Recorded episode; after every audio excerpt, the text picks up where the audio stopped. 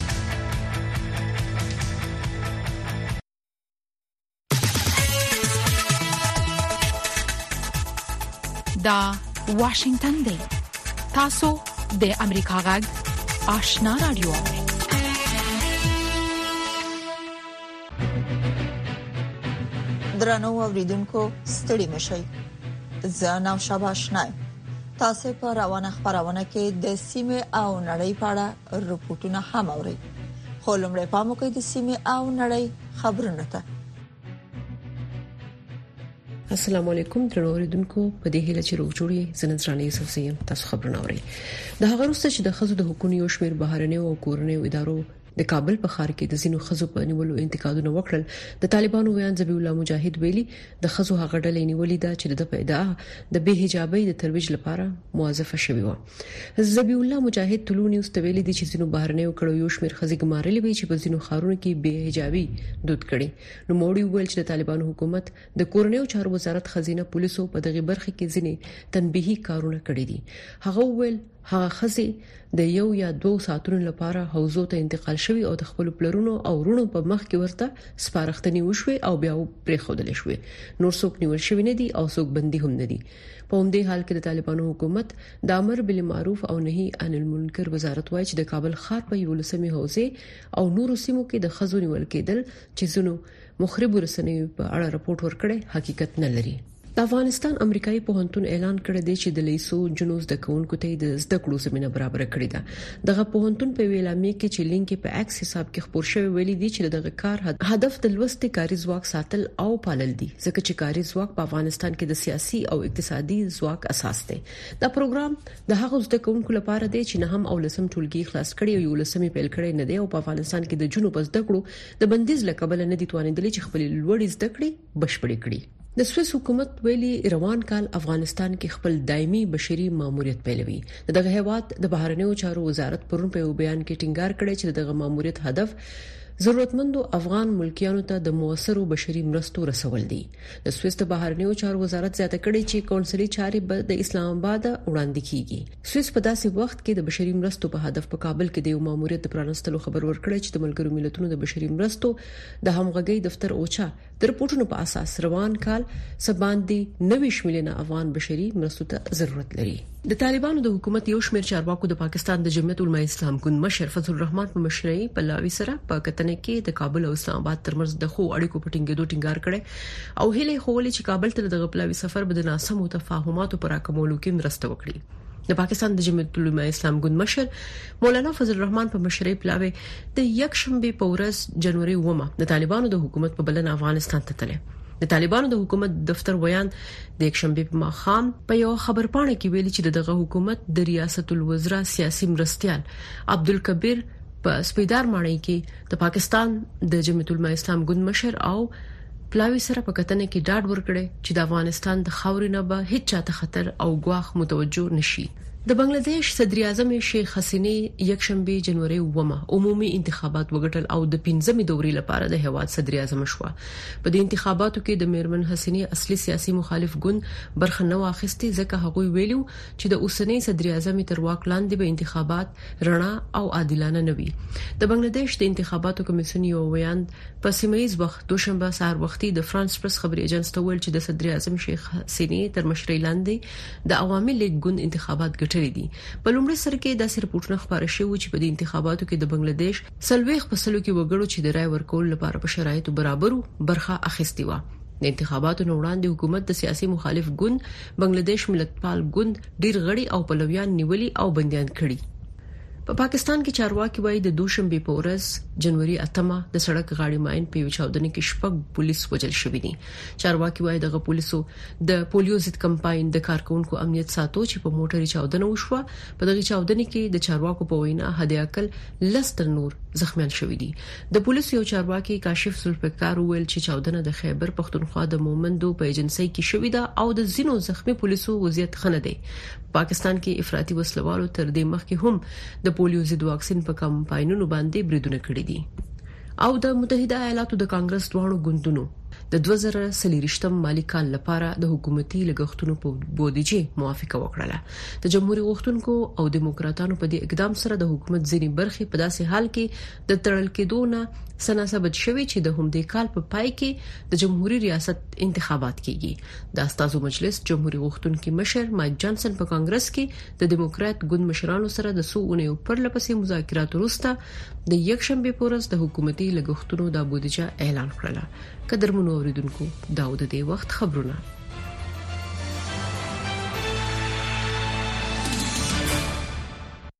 د سیمې او نړۍ خبرونه مو واوریدل په عامه کې د سیمې او نړۍ په اړه رپوټونو ته. طالبان وایي چې داعش د افغانستان او ایران ګډ دښمن دی. د طالبانو د رئیس الوزرا مرستیال د ایران د حکومت ځانګړي استازي ته ډاډ ورکړی چې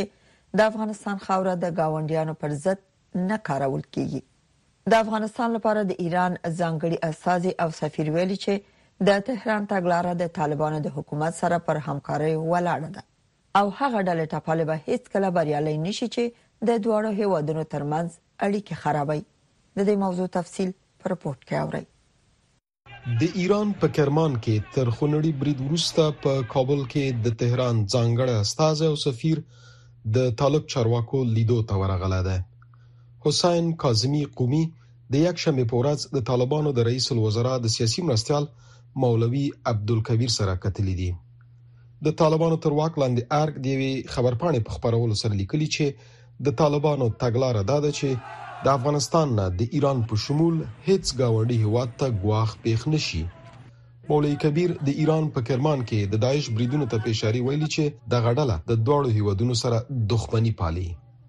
داعش د یو مشترک دښمن په توګه د سیمې د نام نه کولو او د بیګنا خلکو د وژلو هدف لري د ایران د کرمان په ښار کې د تیرې اونۍ د خونړي بریدونو مسؤلیت د داعش ډلې په غاړه اخیسته ده د ایرانی رسنیو د راپورونو لمخې په دغه بریدونو کې د لزګونو ایرانی وګړو سربېره شاوخوا 14 افغان کډوال هم وژل شوي او څه ناسه 19 تنه نور ټپيان شوي دي د کرمان تر بریدونو وروسته د ایران د کورنیو چارو وزیر وویل چې د افغانستان او پاکستان سره د خپل پولو د بندولو لپاره طرحه چمتو کړې او عملی کوي یې احمد وحیدی خبرداری ورکړی چې ترهګر او ملاتړي یې ځپي دستګاه اطلاعات و امنیت ما ترهګر به زموږ د اطلاعاتي او امنیتي ادارو لخوا ونیول شي او کلکې څپېړې به وخوري تر دې دمه خو همدا کار شوی، برید کوونکي او ملاتړي یې باید د ایران د ملت له قهر څخه وویریږي. امریکا د خپلو استخباراتي معلوماتو د مخې نه ویلي چې په کرمان کې بریدونه د داعش خراسان څانګې کار و، ایران بیا امریکا او اسراییلو ته د پړې ګوته نیولې ده. یوې خبري ویبپاڼه چې د طالبانو استخباراتو ته منسوبه ده لیکلي چې د کرمان دوه بریدګرو د تاجکستان تابعیت درلود. که چیرې مسؤل یا غیر مسؤل داعش مسؤلینو د کرمان د حملې مسؤلیت اخیستی ده خو بیا هم په ټوله کې ایرانیان دا انګیرنه کوي چې دا چاودنه دایشانو ترلاسه کړې د شیعو په ضد باندې موږ په افغانستان کې شاهدان یو د شیعم نشینو یا سیمو کې همیشه د داعش له خوانه چاودنې کیږي او داعش مسولیت اخلي بنان د دښمن د افغانستان او د ایران یو د پدې کې لازمه ده چې ایران چارواکي افغان او سیمي چارواکي سره کینګ او په دې ګټلې ګامونه پورته کیو تدابیر ونیسي او مشترک نه د پراندې مبارزه او کې ترغه سره د غمیزنه دوړ ځنه وژغوري او خلاصي کی د طالبانو ویاند ذبی الله مجاهد د رسنیو سره په خبرو کې ویلي چې داعش په افغانستان کې داسې وړتیا او مرکزونه نه لري چې پر ایران بریدونه پلان کړي مجاهد یو ځل بیا ټینګار کړی چې دوی داعش کاملا ځپل ده احمد شکیب د امریکا غږ واشنگتن انتظار پای ته ورسید ترنو لیدونکو او اوریدونکو تاسو کولی شئ د امریکا غږ ټلویزیونی او رادیوي خبرونه د یاشر ساتلایت له طریقو وګورئ او واورئ د نوي ساتلایت لارې تاسو د آشنا اتصال او کاروان ټلویزیونی خبرونه کتلای هم شئ د امریکا غږ د افغانستان څنګه خبرونه په 398 چنل او د آشنا رادیوي خبرونه په 398 چنل کې اوریدلای شئ لملتیا مو د تل پشان مننه د سیمې او نړۍ په اړه رپورټونه د امریکا غږ آشنا رادیو د واشنگټن د سټډیو ناوړي په کابل کې د جمی سخت یخنۍ د ځوانانو بیکاری او د خوراکي توکو لوړو بیو د وګړو ژوند له سختۍ سره مخ کړی دی د کابل ښار اوسیدونکو وایي چې د روزګار نشټون او د خوراکي توکو لوړو بیو د ستونزو سره مخ کړي دي. بل لور ته د اقتصادي چارو شنونکي وایي چې د بیکارۍ د له منځه تلو په موخه باید هغه پخوانۍ شپږ زره او پنځه سوه کارخونې بیا په کار پیل وکړي او د توکو قیمتونه راټیټ شي. د کابل ښار اوسېدونکي وايي، په ورځني ډول یې د سخت کار ګټه وټه له اتیا تر سلو افغانیو وي، چې د روان ساړه ژمي او توکو د لوړو بیو له امله د دوی هیڅ درد نه شي دوا کولای. مونږ تر اندازه یک لقمه نان هستیم، همین نان نان پیدا شویم، کاروبار کاروبار نیست، فقط در منډې میریم، در منډې یقه کار نیست که میریم در خانه مشکلات زیاد است. دا نفر فامیل هستند دا نفر فامیل هستند دیگه ایران مونده چی رقم چی شد از حکومت میخوایم این شغل چیزا جور شود این کار برای ما بفته این کار بار کنیم برای خانواده برسنیم دا ښاریان یوازې د بیروزګاری د ستونزې ښکار نه دي بلکې د خوراکي توکو، لوړو بیو او اولادونو سره د یخو شپو تېرولو هم ژوند ډېر نا ارامه کړی دی. او دلته چې راځو دلته هم کار بار نشته ده بس خالي راځو تر مازیګره پورې ګرځم نو هیڅ شی هم نه وي قیمتي د هر څه قیمته دي هیڅ شی هم نشو اخیستلی او ګران ګراني ده بس یو کیلو بوره مثال اتیا روپۍ دلته زه اتیا روپۍ سل روپۍ کار کوم هغه یا بوره واخلم یا چای واخلم او یې کور ته وسم کور کې یو لور مې داغه مریضه ده د کابل ښار په دغو وګړو کې داسې ځوانان هم تر سترګو کېږي چې د لیسانس تر کچې یې زده کړې کړې دي، خو اوس له یو لړ ستونزو شکایت کوي. د دغو ځوانانو د بېکارۍ او خوراکي توکو د لوړو بیو پوښتنې مو د طالبانو د کار او ټولنیزو چارو وزارت د ویاند سمیع الله ابراهیمي مخ ته کښېښولې. نوموړي د نورو موضوعاتو په اړه څه ونه ویل، خو زیاته یې کړه چې د حرفوي زده کړو په برخه کې خپلې ژمنې عملي کوي. د ژمي په رارسېدو سره د کار او ټولنیزو چارو وزارت هغه برنامې چې په نورو فصلونو کې درلودې چې د فني او حرفوي زده کړو مرکزونه وه او له هغې لارې هېوادوالو ته فني او حرفوي زده کړو برنامې دایرولې دغه برنامې به په نورمال شکل د منګه داسې جریان لري او د دې پر مټ باندې به منګه پراتلونکو کې وکولای شو چې هوادوالو ته د کار په بازار کې د یو ماهر یا نیمه ماهر کارګر په حیث باندې د کار زمينه مساعده کو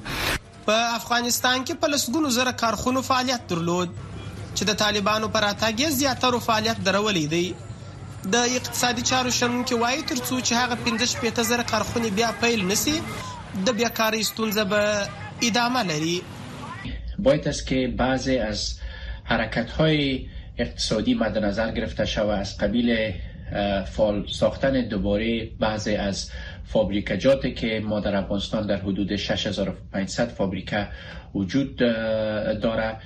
اونا را تقویت کنند تا اینجا کار ایجاد شود.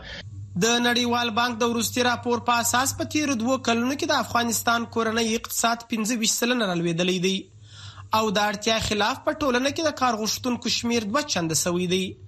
پر طالبانو نیوکه کېږي چې په کور دننه یې د بشري حقونو او مېرمنو په وړاندې په سختو پالیسیو افغانستان له نړۍ منزوي کړی چې له امله یې افغان ولس د نورو زیانونو ترڅنګ د اقتصادي ننګونو سره مخ دی. شامسارین، امریکا غږ. متضاد اړخونه، بېلابېل دریځونه، د سپیناوي تود مخامخ بحث او په اخر کې قضاوت ستاسو پر مهمو سیاسي، امنیتي، اقتصادي او ټولنیزو مسایلو د افغانستان، سیمې او نړۍ باندې د ژور څېړنیز بحث مهمه اونیزه خبرونه هایل د هرې جمعې په ورځ د افغانستان په وخت د ماخام ونیمونه تر اته بجو پورې د امریکا غږ د سټلایټ لارې په ژوندۍ بانه هایل د امریکا غږ د روانو چارو نوي ټلویزیونی خبرونه دا د امریکا غږ آشنا رادیو ده یو افغان ځوان فضل حکیم اریوبی د افغاني توکو د بازار موندنې او د خپل سوداګریز کاروبار لپاره د آسان شاپ په نوم د خوراکي توکو د خرڅلاو یو آنلاین ویب سایټ او اپلیکیشن جوړ کړی دی نور جزئیات په رپورت کې اورئ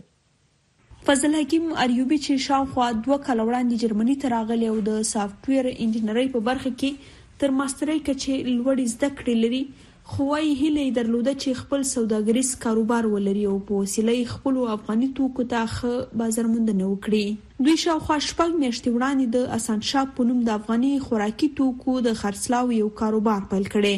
چې په کمساري ډول په ټول جرمني کې په انلاین ډول د توکو رسولو لارې چارې لري. خوا ما ډیر ځلې هڅې کړې وې کارونه مې افغانستان کې مخته وړي وه خو حالات چې بدل شو نو دلته ماته یو ښه فرصت مساعد شو چې زه یو پلیټفارم جوړ کوم انلاین چې خلک وکولای شي خصوصا موږ تاسو افغانان چې خپل کور نه خپل افغاني تولیدات وغواړي سفارش ورکړي او کور ته ورته ورسیږي نو پلیټفارم هم باید ډیر اسانه وي په څو ژبو یې هر څوک باید په پوي شي او تولیدات هم موږ افغاني باید هم افغانستان ته چې څوک الته خلک دي کاروانګر دي ټول ته ګټه رسیږي دوی د انلاین کاروبار سربېره دلته د جرمني په کاسل ښار کې حضوري هټۍ هم لري. د دوی په خبره چې له دې وړاندې هم په جرمني او اروپا کې د افغاني توکو د خرڅلاو کاروبارونه وو، خو نورو هېوادونو به په خپل نوم خرڅول او دلته مېشتو افغانانو هم ورته په سختۍ لاسرسی کولی شو. نو فعلا چې اوس افغانستان د حالات سره کوم خلک چې د اکثرا راغلي دي دغلته نو یو خو دوی د پاره باید یو د سیستم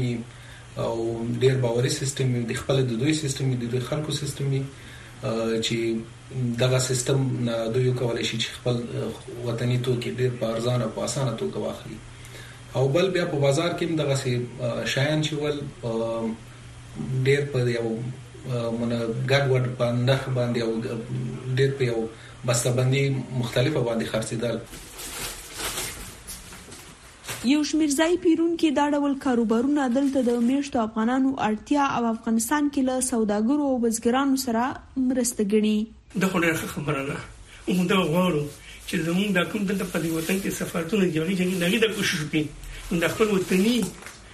کښینه دغه ملکو ته ورسې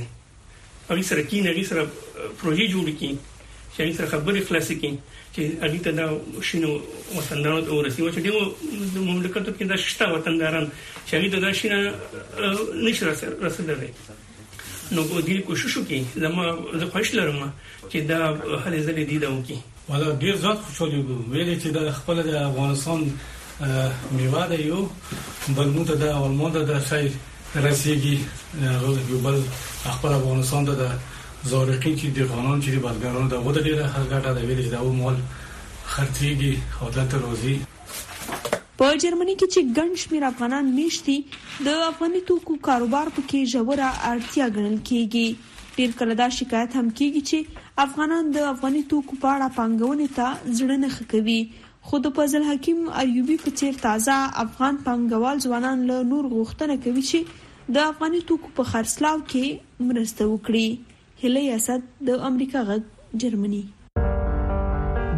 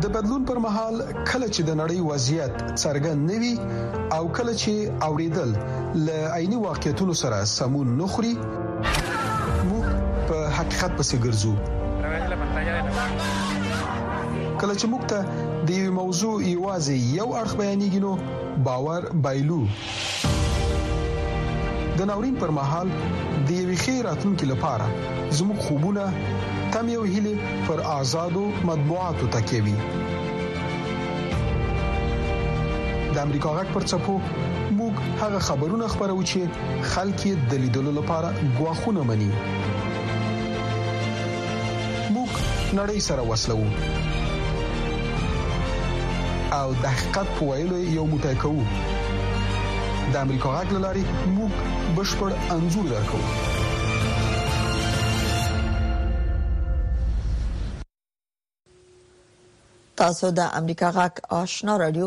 د مرکزی سټډیو نه د سیمه او نړۍ په اړه رپورټونه اورئ په کابل کې د بزکشي لوبو پنځم پړاو سیالي تر سره شوې په دغه لوبه کې له 14 ولایتونو نه لوبغاړو ګډون کړی وو لوبغاړي ویل مالی اړخه د اولمپیک ملي کمیټې له لوري هیڅ ډول ملاتړ نه لري. بل لور ته د بزکشۍ فدراسیون مسؤلین وایي چې افغان لوبډله به په نږدې راتلونکي کې قزاقستان ته د لوبو په موخه ولیږي. تفصیلي په رپورټ کې اورئ. په کابل کې د بزکشۍ پنځم پړاو سیالۍ چې له دیارلسو ولایتونو څخه لوبغاړو ګډون پکښې کړی وو تر لسو ورځو دوام وروسته د سرپل لوبډلې په اتلولۍ پای ته ورسیدې. که څه هم د بزکشۍ دغه لوبغاړې ورته سیالیو ته خوښ دي، خو په خبره یې چې د سږکال په سیالیو کې د لوبډلو ترمنځ د سیالیو انډول په نظر کې نه و نیول شوی. د دوی په خبره چې ډېرې کمزورې لوبډلې له پیاوړو لوبډلو سره مخ کېدلې. یک ذره ما را به تیمای زور هماهنگی میکنه دیگه تیمای زور مقابل ما دیگه مقابل او چه کردن نمیتونیم باید از او خواهشمند میکنیم که باید ما را هر تیم به مساوی پرتایا که انانات بازی ما خراب نشوه دلسیا نشیم د دغه سیالیو لوبغاړي د نورو ستونزو ترڅنګ دا هم وایي چې د اولمپیک ملي کمیټې یې هیڅ ډول مالي ملاتړ نه دی کړی د دوی په خبره چې د ورزش د پیاوړتیا اړین اړخ د لوبغاړو مالي ملاتړ دی. او د المپیک له خوا نه موږ کوم خاص همکاري تر اوسه نه لیدلې او له حکومت څخه دا غواړو چې ورزشکاران ته خاص توجه ولري غوښتنه لرو چې دغه کوم مصارف چې اوس مثال یو اسدار یو اس اخلي شل زره ډالر ډیر زره ډالر لس زره ډالر هغه اس راولي دلته یعنی اس مرګ و میر لري نفسدار شی ده. خو بل لور ته د بزکشي فدراسیون مسؤلین وایي چې د دوی فدراسیون له مالي اړخه تر اوسه د دې جوګه نه دی چې لوبغاړو ته لګښت ورکړي. د دې فدراسیون مشر غلام سرور جلال وایي چې دوی وړاندیز کړی تر څو ځانګړې بودیجه ترلاسه کړي دا ټولو بیانو تقریبا 4 لک 15 لک ته لاس لک پوریم د ستا چې دوی امتیاز ورکیو دلته راولي او هغه کم د موږ امکانات دي جوینم ټول موږ ورته برابر کړي د اسیو جوینه خیمه او د دوی اوسېدو جوینه هغه خپل مصرف به دا پار ولایت دنو بوستکشي د افغانستان لرغونی عنعنوي لوبه ده چې اوس مهال د سیمې د ځینو هیوادونو ترڅنګ په ترکیه کې هم زیات علاقمندان لري په کابل کې د دغه سیالیو په جریان کې زیات شمیر نندارچیان د یادو سیالیو نندارې ته راغلي و چې هر کس د خپلې خوښي د لوبډلې ملاتړ کاوه شمساریان امریکا ژغ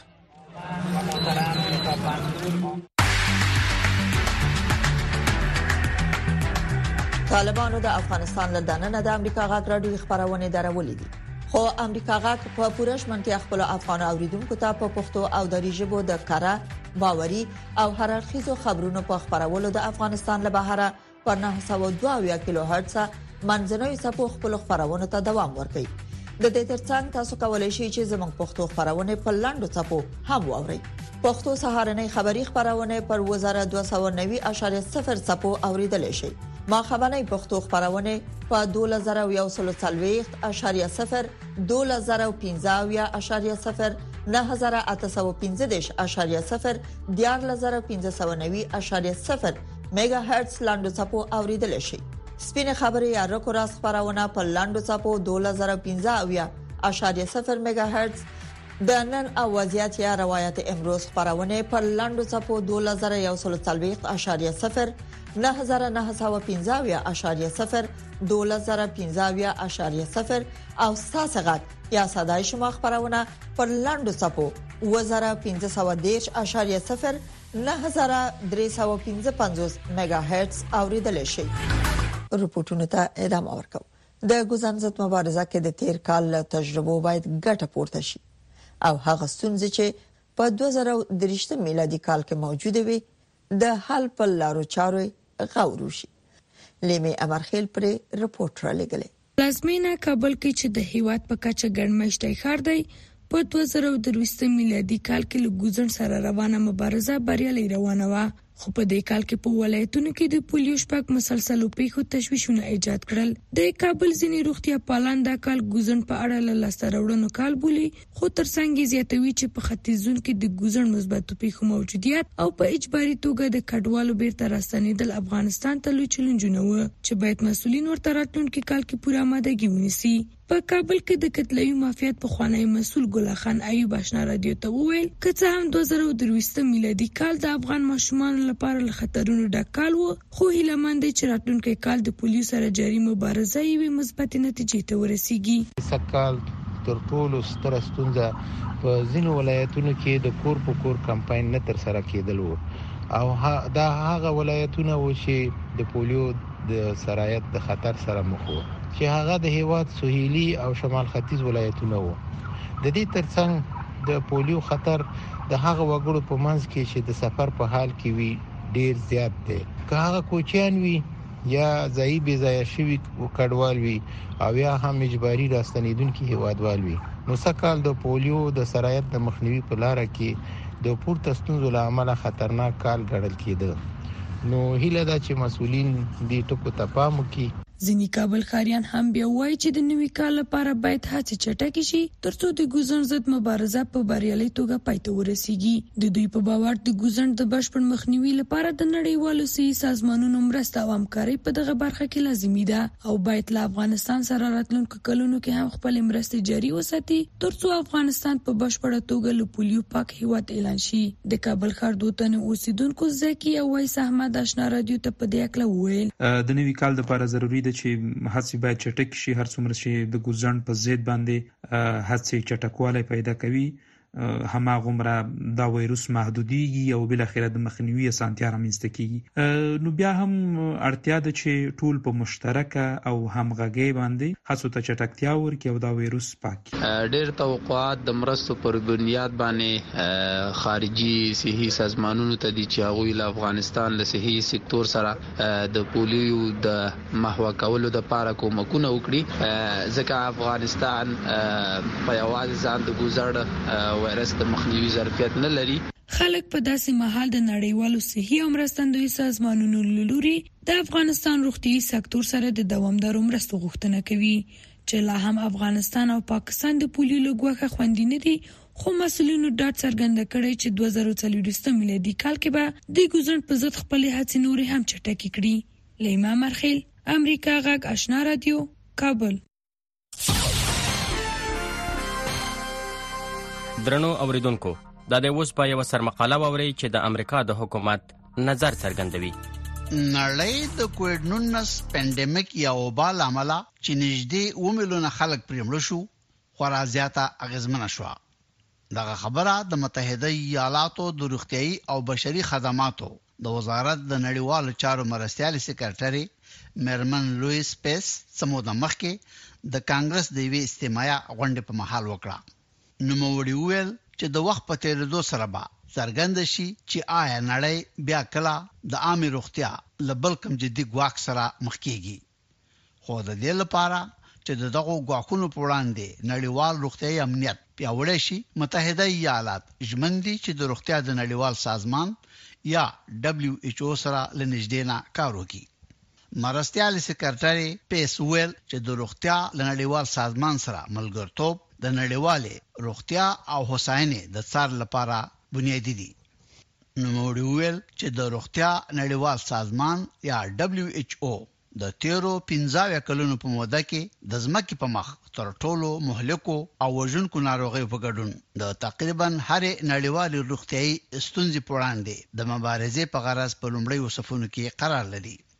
ډبلیو ایچ او دا مهال د غزې او اوکراین په ګډون څو درجنو جدي روغتیايي بیړنیو وضعیتونو ته ځواب ورکوي.